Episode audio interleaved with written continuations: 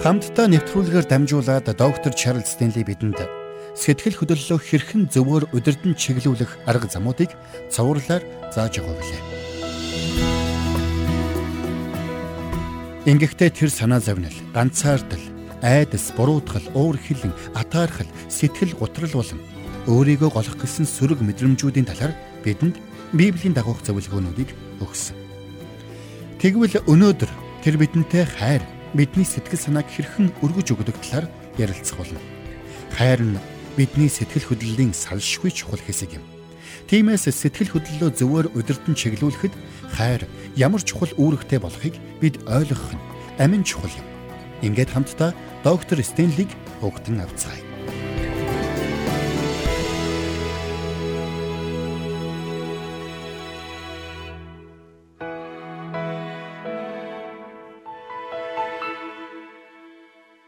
Матай 22 дугаар бүлэгт эзэн Есүс садукечүүдтэй амиллийн талаар ярьж тэдний амийг тагалсан тухай өгүүлсэн байдаг. Үүнийг сонсоод фарисеучуд Есүстэй уулзаж түүнийг сорихор шийдсэн юм. Энэ үйл явдал хэрхэн өрнөснийг Матай номын 22 дугаар бүлгийн 34-өөс 40 дугаар эшлүүдээс харъя. Есүс садукачуудыг дуугүй болгосныг фарисеучуд харин сонсоод цуглав. Тэдний нэг хуульч түүнийг сорж багшаа хуулийн аль тушаал нь агуу вэ гэв. Тэр түнд чи бурхан эзнээ бүх зүрх бүх сэтгэл бүх оюун ухаанаараа хайрлаа. Энэ бол агуун бөгөөд анхны тушаал мөн. Удаах нь чи хөршөө өөрийн адил хайрлаа гэсэнтэй адил юм. Энэ хоёр тушаал дээр бүх хууль ба иш үзүүлэгч тулгуурладаг юм гэлээ. Ер нь хүмүүс бид чинь бүгдээрээ хайрын бүтээлүүд юм. Бурхан биднийг ингэж л бүтээсэн. Бурхан биднийг хайрлаж бас хайрлуулж байхаар бүтээсэн юм. Тиймээс бусдыг мэдэрч чаддгүй эсвэл өөрийн хайрыг илэрхийлж чаддгүй нэгэн сэтгэл санааны хувьд маш хүнд байдалд амьдарч байна гэсэн үг юм. Ийм хүмүүс өөрсдөө зовлонтой амьдралаар амьдраа зогсохгүй. Иргэн тойронд бүх хүмүүсийн амьдралыг зовлонтой болгож хувиргадаг юм. Ихэнх тохиолдолд ийм хүмүүс дотроо уур уцаарыг тээж байдаг. Учир нь тэд сэтгэлийнхээ гүнд ямар нэгэн зүйлээр өлсөж цангаж байдаг юм. Христэд итгэж хүмүүсийн хувьд бид хайрын тухай бодохдоо ихэвчлэн 1-р Коринтын 13 дугаар бүлгийг боддог. Бид хайрыг 1-р Коринтын 13 дугаар бүлэгт бичигдсэн тодорхойлтын дагуу хардаг. Цаашилбал Библи биднийг бие биенээ хайрлаа гэж заасан. Тэр бүхэл дайснаа хүртэл хайрлах ёстой шүү гэж тушаасан юм. Энэ бүхнийг бид бүгд сайн мэднэ. Гэхдээ Библиэд хайртай холбоотой өөр нэгэн чухал зүйл заасныг бид ихэнхдээ мартаж орхидог. Тэгвэл эзэн Есүс Христ Матай номын 22 дугаар бүлгийн энэ хэсэгт чухамдаа энэ л зүйлийн тухай өгүүлсэн юм. Фарисеучуд Есүсээс "Багшаа, хуулийн аль тушаал нь агуу вэ?" гэж асуухад Есүс хариуд нь "Чи бурхан эзнээ бүх зүрх, бүх сэтгэл, бүх оюун ухаанаараа хайрлаа" гэж хариулаад үргэлжлүүлэн чи хөршөө өөрийн адил хайрлаарай гэж айлтсан юм. Тэгвэл эзэн Есүс энд юуны тухай өгүүлснийг хамтдаа бодоод үзцгээе. Эзэн Есүс энд бидний хайр нийт 3 тийш чиглэсэн байх ёстойг онцолсон байна. Энэ хэсэгт үзвэл тэр бидэнд нэгдүгürt чи бурхан эзнээ бүх зүрх, бүх сэтгэл, бүх оюун ухаанаараа хайрл. Хоёрдугаарт хөршөө хайрлаарай гэж айлтсан. Мөн гуравдугаарт чи өөрийгөө хайрлаа гэж айлтсан юм. Ингиж байж бидний хайр бүрэн төгс болох нь байна. Энэ дээшээ буюу бурхан руу, гадагшаа буюу бусад хүмүүсүүд рүү, дотгошоо буюу өөрлөгөө чиглэсэн байх ёстой байх нь. За тэгвэл хамтдаа эхлээд эзэн Есүсийн энэхүү тушаалуудыг авч үзцгээе. Тэр бидэнд бурхан эцгээ хайрал, хөршөө хайрал мөн өөрийгөө хайрлаа гэж тушаасан. Аливаа хүн өөрийгөө хайрлна гэдэг нь өөрийгөө бурхны хүүхэд болсных нь хувьд хайрлаж хүндлэнэ гэсэн үг. Бурхны хайрлсан нэгнийг бид хайрлах ёстой гэдгийг санаарай. Тэрнээс биш өөрийгөө хайрлна гэдэг нь амин хуваа хичээж харамаа бодно гэсэн үг биш юм. Эсвэргээрээ энэ нь Бурхан намайг өөрийнхөө төлөө бүтээсэн. Бурхантай нөхөрлөж, Бурханыг алдаршуулж, Бурханы зорилгыг гүйцэлдүүлэхийн тулд бүтээсэн гэдгийг бүрэн ухамсарлаа гэсэн үг юм. Мөн ариун сүнс миний дотор оршин байгаа. Есүс Христ миний төлөө амиа өгөхөр дэлхийд ирсэн. Есүс Христ төгс хайраараа одоо ч намайг цэвэршүүлэн ариусгаж өөрийнхөө дүр төрхийн дагуу өөрчилсөр байгаа гэдгийг ухаарна гэсэн үг юм. Нэгэнт бурхан надад зориулан өөр хинт ч бэлдээгүй давтагдшгүй зорилгыг бэлдсэн юм бол би өөрөө өөрийгөө хайрлан хүндэлж, өөрөө өөртөө санаа тавьж, өөрөө өөрийгөө хүндэтгэж байх нь маш чухал юм. Найз минь, Библиэд хэлэхдээ биднийг ариун сүнсний орших газар гэж хэлснийг санаарай. Юу биднийг Бурхны оршдог газар болгодог юм бэ гэвэл бидний дотор оршиж буй Бурхан өөрөө юм. Хиний дотор Бурхан нутаглаж байна? Тэр хүн үнэхээр үнцэнтэй нэг юм. Ингээд бодоод үзвэл бидний хүн нэг бүр Бурхны хувьд онцгой үн цэнтэй юм. Бидний хүн нэг бүр Бурхны хувьд үн хүндтэй. Та бол чухал хүн. Ингиж хүлээн зөвшөөрнө гэдэг нь бардамнал ихэрхэл биш ээ. Энэ бол таны амьдралд өгсөн Бурхны агуу үн цэнийг хүлээн зөвшөөрнө гэсэн үг юм. Энэ бол та өөрөө өөрийнхөө жинхэнэ үн цэнийг ойлгож ухамсарлан хүлээж авна гэсэн үг юм. Хэдийгээр өнөөдөр бид бусдын хайрыг татам хүн биш байж болох ч Бурхны авралаар бидний хинэнч хараахан Бурхны хүссэн дүр төрхийн дагуу бүрэн өөрчлөгдөж амжаагүй байна. Тэгвэл Бурхан бидэнд та нар өөрийгөө хайрлах ёстой гэж хэлэхдээ ямар санааг агуулan ийхүү хэлсэн юм бэ? Юуны төрөнд бид өөрөө өөрийгөө зөвөр хайрлаж байж Бурхантай жинхэнэ ойр дотн хайрын харилцааг бий болгож чадна. Хэрвээ та өөрийгөө хайрлаж чадахгүй бол Бурхантай бүрэн төгс харилцаатай байж чадахгүй. Учир нь та өөрийгөө хайрлахгүй байна гэдэг нь таны дотор би Бурхны хайрыг хүртэх зохисгүй хүн. Мөн би хэний ч хайрыг хүртэх зохистой хүн бишээ гэсэн бодол байсаар байна гэсэн үг юм. Хоёрдугаарт аливаа хүн өөрийгөө хайрласнараа Бурхны хүслийн дагуу хүн болон өөрчлөгдөж Бурханаас хүлээн авсан потенциалдаа тултал хөгжиж дивжих боломжийг өмнө нээж байдаг юм. Учир нь өөрийгөө хайрласнараа бид Бурханаас бидэнд өгсөн онцгой төлөвлөгөө онцгой зорилгыг хүлээн зөвшөөрч байдаг юм. Хэрвээ та өөрийгөө хайрлаж, өөрийгөө үн цэнтэд тооцож чадахгүй байгаа бол Бурхнаар бүрэн дүүрэн хэрэглэгдэж, Бурханд бүрэн дүүрэн үйлчилж чадахгүй төрнө. Энэ нь Бурханд эсвэл танд асуудал нь байгаа юм биш, харин таны өөртөө хандах хандлагт асуудал байгаа гэсэн үг юм. 3 дугаарт бид өөрсдийгөө хайрлахгүй юм бол Есүс Христтэй адил дүр төрхийн дагуу өөрчлөгдөж чадахгүй төрнө. Бурхан бидний хүн нэг бүрийн амьдралд онцгой төлөвлөгөөг бэлдсэн. Тэр биднийг Бурханы тэрл агуу хүслийн дагуу бүрэн өөрчлөгдөж шинчлэгдээсэй гэж хүсдэг юм. Тийм ч учраас Ром номын 8:29 дээр хэлэхдээ Бурхан биднийг Есүс Христтэй адил болон өөрчлөхөөр урдаас тогтоосон хэмээн тунхалсан байдаг юм. Тэгвэл бид өөрсдийгөө үл хайрлаж, өөрсдийгөө голж, өөрсдийгөө ямар ч үн цэнгүй хэмээн бодож байвал бид хизээч Есүс Христийн дүр төрхийн дагуу өөрчлөгдөн шинчлэгдэж чадахгүй төрнө. Есүс Христ бол төгс нэгэн байсан. Мөн Бурхан Библиэд хэлэхдээ биднийг түүний дүр төрхтэй адилхан болгохоор урдаас мэдж тогтоосон юм а хэмээн бичсэн байна. Та хинч байлаа гэсэн. Ямар ч авьяастай, ямар ч чадвартай байлаа гэсэн. Таны амьдралын нөхцөл байдал ямар ч байлаа гэсэн. Ялгаагүй танд хандсан онцгой төлөвлөгөө Бурханд бий. Тэр таныг өөрийнхөө потенциалдаа тултал хөгжиж, өөрийнхөө үн цэнийг тултал мэдэрч, өөрийгөө зөвөр хайрлаж сураасаа гэж хүсэж байдаг юм. Би энд өөр нэгэн зүйлийг нэмж хэлэх нь зүйтэй гэж бодож байна. Өөрөө өөрийгөө хайрлаж чаддаггүй. Цаашилбал өөрийгөө үзен яддаг нэгэн хизээч Есүсийн агуу тушаалыг биелүүлж гүйцэлдүүлж чадахгүй. Өнөөдөр олон сүм чуулгануудад сахилга батын асуудал маш том асуудал болоод байна. Учир нь Хүмүүс бие биедээ үннийг хэлэхээс айж имээдэг болжээ. Цаашилбал бид бие биетэйгээ чин сэтгэлээс харилцахаас болгоомжилж бүгд гаднаа баг зүүж амьдрах болжээ. Гэтэл бид хин нэгний багийг биш харин тэр хүнийг нь хайрлах ёстой юм шүү дээ. Гэтэл бид өөрийгөө хайрлаж чадахгүй. Өөрийгөө үнцэнтэй гэж итгэж чадахгүй бол бид бусдад өөрийгөө бүрэн дүрэн нээж чадахгүй юм. Бурхан намайг тоохгүй. Бурхан намайг сонгохгүй гэсэн сөрөг бодлуудыг тээсэр байх юм бол бид бусдад өөрийгөө баяртайгаар зориулж чадахгүй. Үнэн дээр бусдад өөрийгөө урамтайгаар зориулж чаддаг хүмүүс энэ дэлхий дээр хамгийн аз жаргалтай хүмүүс байдаг юм. Тэгвэл ямар хүмүүс яг өөрийгөө бусдад зориулж чаддаг юм бэ? Өөрийнхөө үн цэнийг мэдэрсэн хүн л бусдад өөрийгөө зориулж чаддаг юм. Энэ бол бардамнал эсвэл өөрийгөө дөвөөлгсөн үзэл биш ээ. Энэ бол өөрийгөө зөвөр үнэлэх үед бий болдог үзэгдэл юм. Есүс Христ ч бас яг л ийм зүйлийг хийсэн. Бид Бурхныг таньж мэдэх үедээ Есүс Христ бидний төлөө өөрийгөө бүрэн зориулсан болохыг олж мэддэг.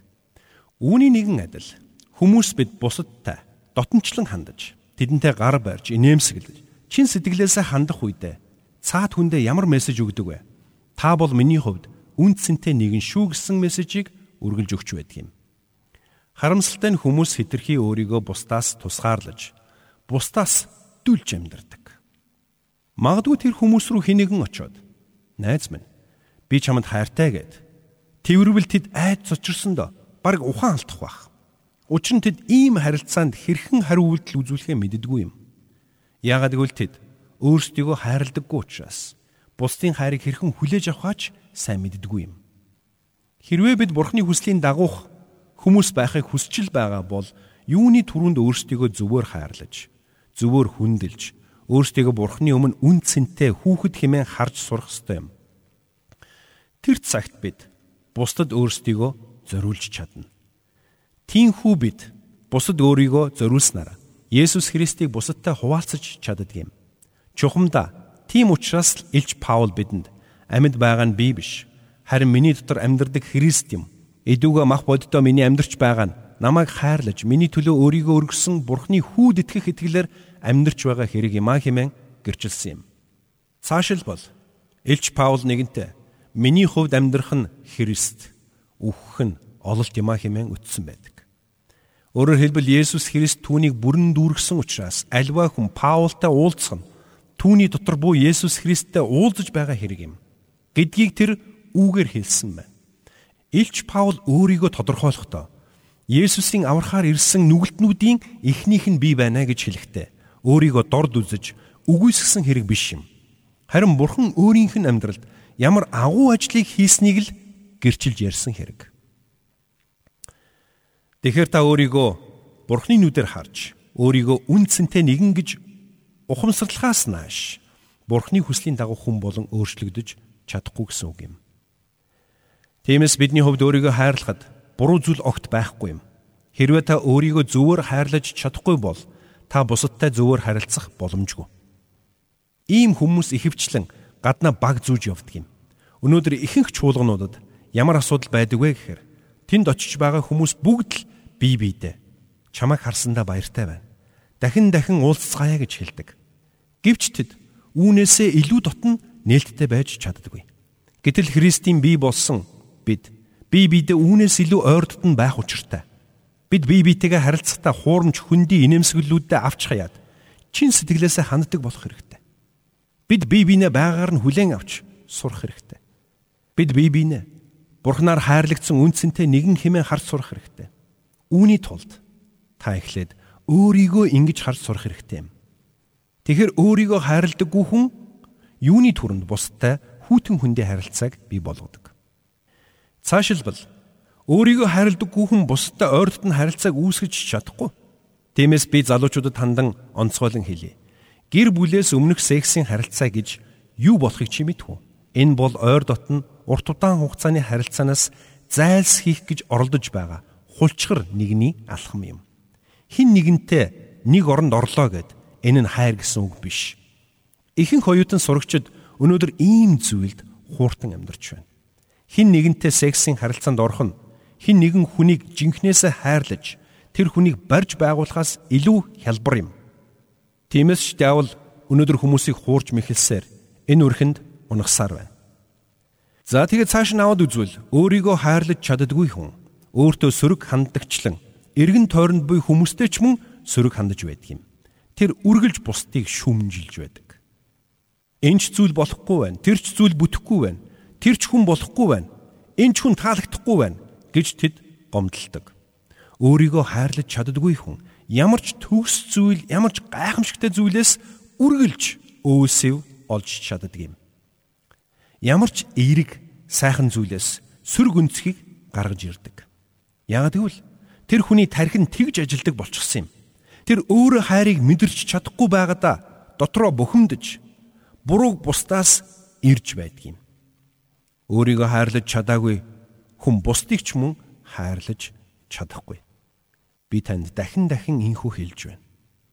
Мөн өөрийгөө хайрлаж чаддаггүй хүнээс илэрдэг өөр нэгэн шинж тэмдэг бол амин хуваа хичээх явдал юм.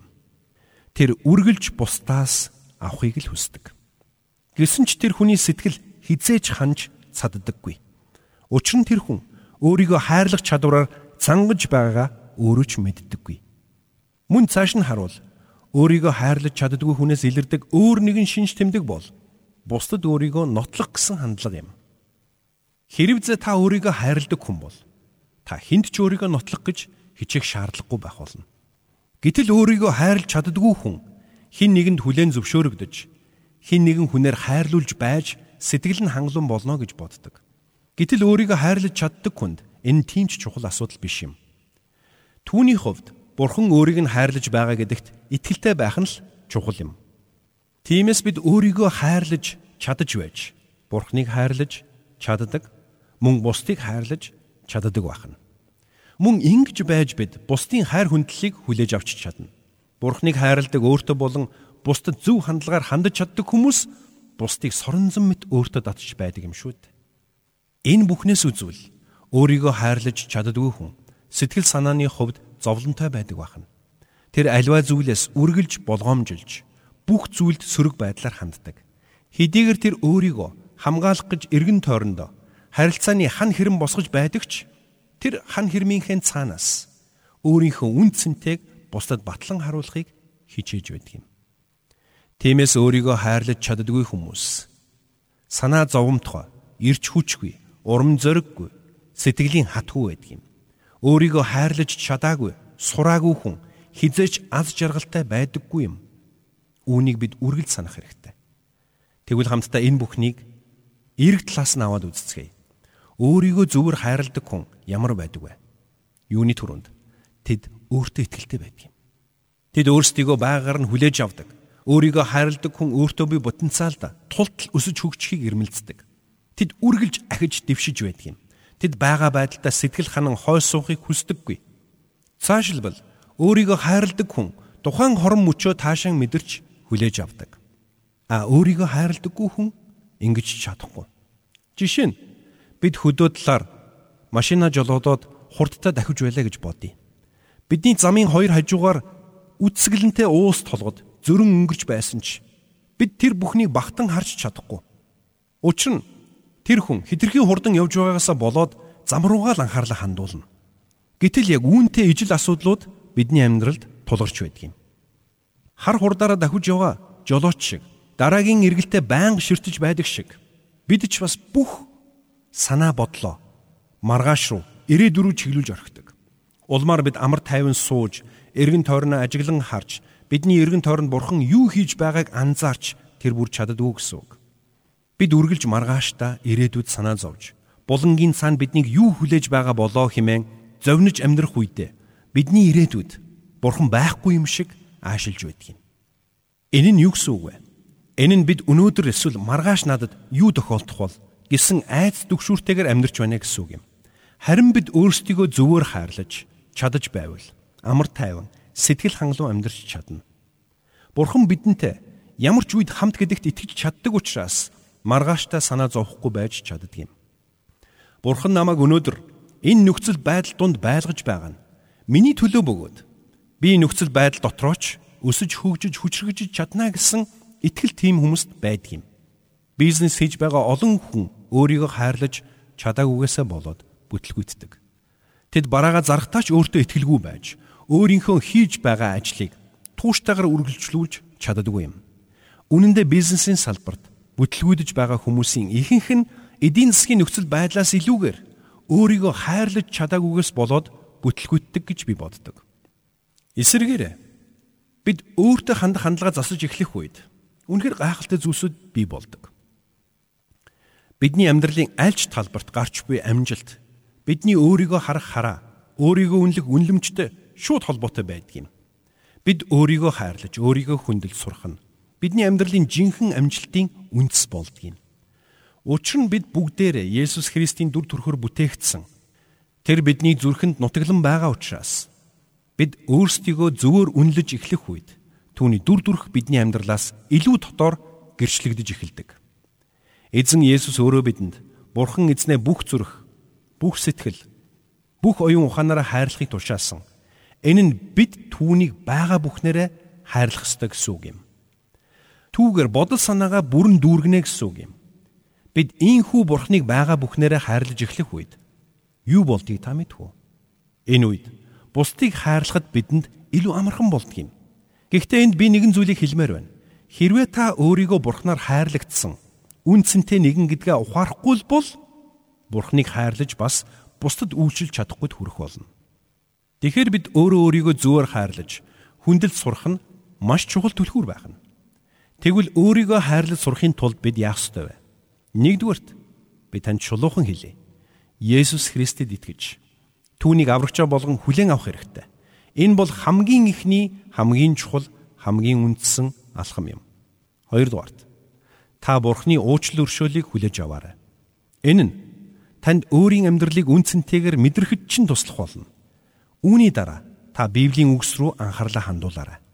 Ингэснээр та Бурхны үгийг хүлээн авч Бурхны дуу хоолойг сонсох боломжтой болно. Мөн энэ нь цаагаараа Бурхан тантай ярилцах болно гэдгийг та итгэлээрээ хүлээн зөвшөөрч байгаагийн илрэл юм. Хэрвээ үнэхээр төгс сарун бүхнийг мэдгч, бүхнийг чадагч, амьд Бурхан тантай харилцдаг юм бол та үнэхээр үндсэнтэй хүн байх нь гарцсаагүй юм. Тиинхүү бид Бурхантай нөхөрлөж, Бурхны үгийг уншиж, Бурханд залбирч эхлэх үед тэр таныг босгон байгуулах болно. Угтаа бол Есүс Христэд итгэсэн мөчөөс эхлээд л эзэн биднийг барьж байгуулах ажлаа эхлүүлдэг юм. Тиймээс би танд маш их тус болох нэгэн практик аргыг зааж өгье. Хэрвээ та өөрийгөө үнэлдэггүй бол та өөрийгөө бүхэл асуудлын шалтгаан гэж боддог бол цагаан цаас гаргаад дээр нь би ирээдүйд ийм хүн болно гэсэн гарчиг тавиарай. Тэгээд доор нь өөртөө би болохыг хүсэж байгаа тэр бүх эерэг чанаруудыг жигсааж бичээрэй. Тэдгээр чанарууд чинь ямар ч чанарууд байж болно гол нь бурхан эдгээрийг чинь хүлээн зөвшөөрөх үз байх ёстой гэдгийг та санаарай. Тэгээд та тэр жагсаалтуудаа өөртөө чангаар өдөрт 3 удаа түүнээс ч дээш уншиж өгч байгаарай. Үүнийгээ өөртөө хадгалж өөр хүмүүст битгий харуулаарай. Үүгээрээ та өөрийн оюун санааг шинчилж өөрийгөө эргээр харах харанд бэлтгэж байна гэсэн үг юм. Есүсийн заасан уулан дээрх сургаалыг та нээгээд унших юм бол Бурхан биднийг тасралтгүй барьж байгуулсаар байдаг болохыг бид харж чадна. Хэрвээ та Есүсийн үйлчлэлийг эргээд санах юм бол тэр биднийг нурааж унгаахын тулд биш харин үргэлж барьж байгуулж бүтээн босгохын тулд үйлчилж байсныг харах болно. Тиймээс бид ч бас өнөөдөр Бурхны өмнө өвдөг сүгдэн залбирч түүнтэй ойр дотн нөхрөсөөр байх юм бол тэр биднийг тасралтгүй босгон байгуулсаар байх болно. За тэгэхээр миний зааж өгсөн эдгээр аргууд өнгөцгөн харахад энгийн юм шиг харагдаж байж болох юм. Гэхдээ л маш үр дүнтэй аргууд юм шүү. Хэрвээ та өөрийгөө үнэлж, өөрийгөө хайрлаж тэр бүр чаддгүй бол энэ аргыг туршаад үзээрэй. Гарцаагүй үр дүнгээ өгөх болно. Таны өөрийгөө харах хараа аяанда эерэг болон өөрчлөгдөх болно. Үүний дараа та зөвхөн өөрийгөө биш харин бусдыг хайрлах орлогыг хийж эхлээрэй. Мөн тийм хүнийг тань руу илгээж өгөхийг та бурхнаас асуун залбираарай. Таны хайр халамж хэрэгтэй хэн нэгэн заавал байгаа гэдэгт би итгэлтэй байна. Бид Бурхныг хайрлаж, бусдыг хайрлаж, мөн өөрийгөө хайрлаж эхлэх үед энэ хайрын хүч биднийг гайхамшигтайгаар өөрчлөх болно. Тиймээс бидний зөрчилдөөн эвлэрлэр төөрөгдөл ухаарлаар бүтлгүйтэл амжилтаар залхуурал хөдөлмөрч байдлаар ядралт ирч хүчээр өөртөө итгэлгүй байдал өөртөө итгэх итгэлээр солигдох болно. Үнэхээр энэ л хайрын хүч биднийг бурхантай, бусадтай болон өөртөөгөө харилцах эрүүл зөв харилцаа руу чиглүүлэх болно. Тиймээс та битгий мартаарай. Таны хайр гурван тийш чиглэсэн байх учиртайг. Дээшээ буюу бурхан руу, гадагшаа буюу ах дүүс рүү чинь мөн дотгошоо буюу өөрлөвгөө. Тэр цагт та бүтэн хайр бүхий бүрэн бүтэн хүн байж чаднаа. Ингээд хамт залбирцгаая. Бурхан эцэг минь ээ Бид өөрсдийгөө болон эргэн тойрондоо байгаа хүмүүсийг таны нүдээр харахад минь туслаач. Зөвхөн одоо байгаагаа хараад зогсохгүй. Та биднийг ямар хүмүүс болон өөрчлөхөөр төлөвлөснийг харж та бидэнд ямар гайхамшигтай потенциалыг өгсөн болохыг олж харахад минь туслаарай.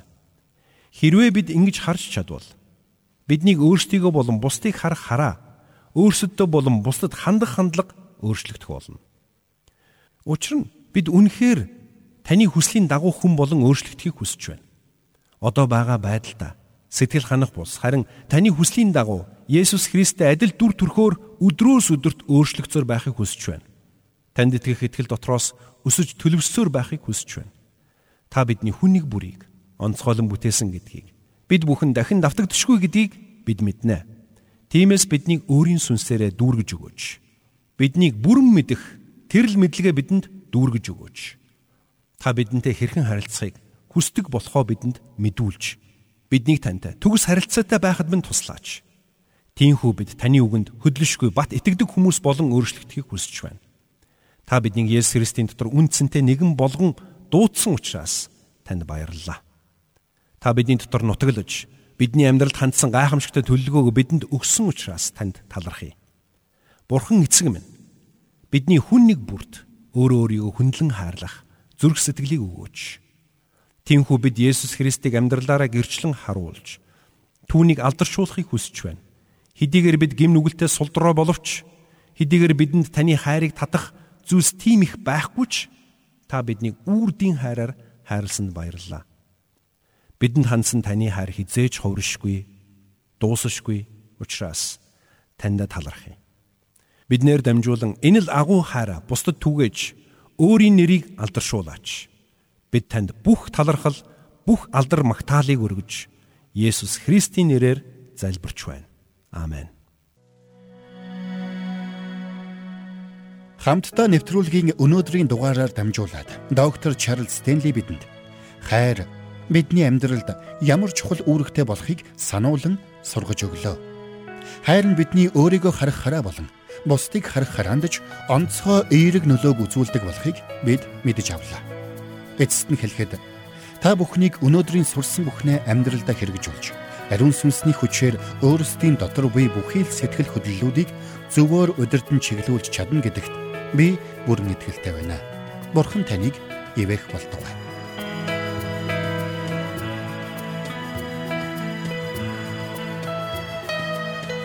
Бурханд тэмүүлсэн сэтгэл хүмүүсийг энэрх зөрхөөр амьдрахад туслах номлогч доктор Чарлз Стенлигийн хамттай нэвтрүүлэг сонсогч танд хүрлээ. Нэвтрүүлгийг дахин сонсох хүсвэл ихтгэл радиоцик.com-оор зочлоорой. Бидэнтэй холбогдохын хүсвэл 8085 99 тэгтэг дугаард хандаарай.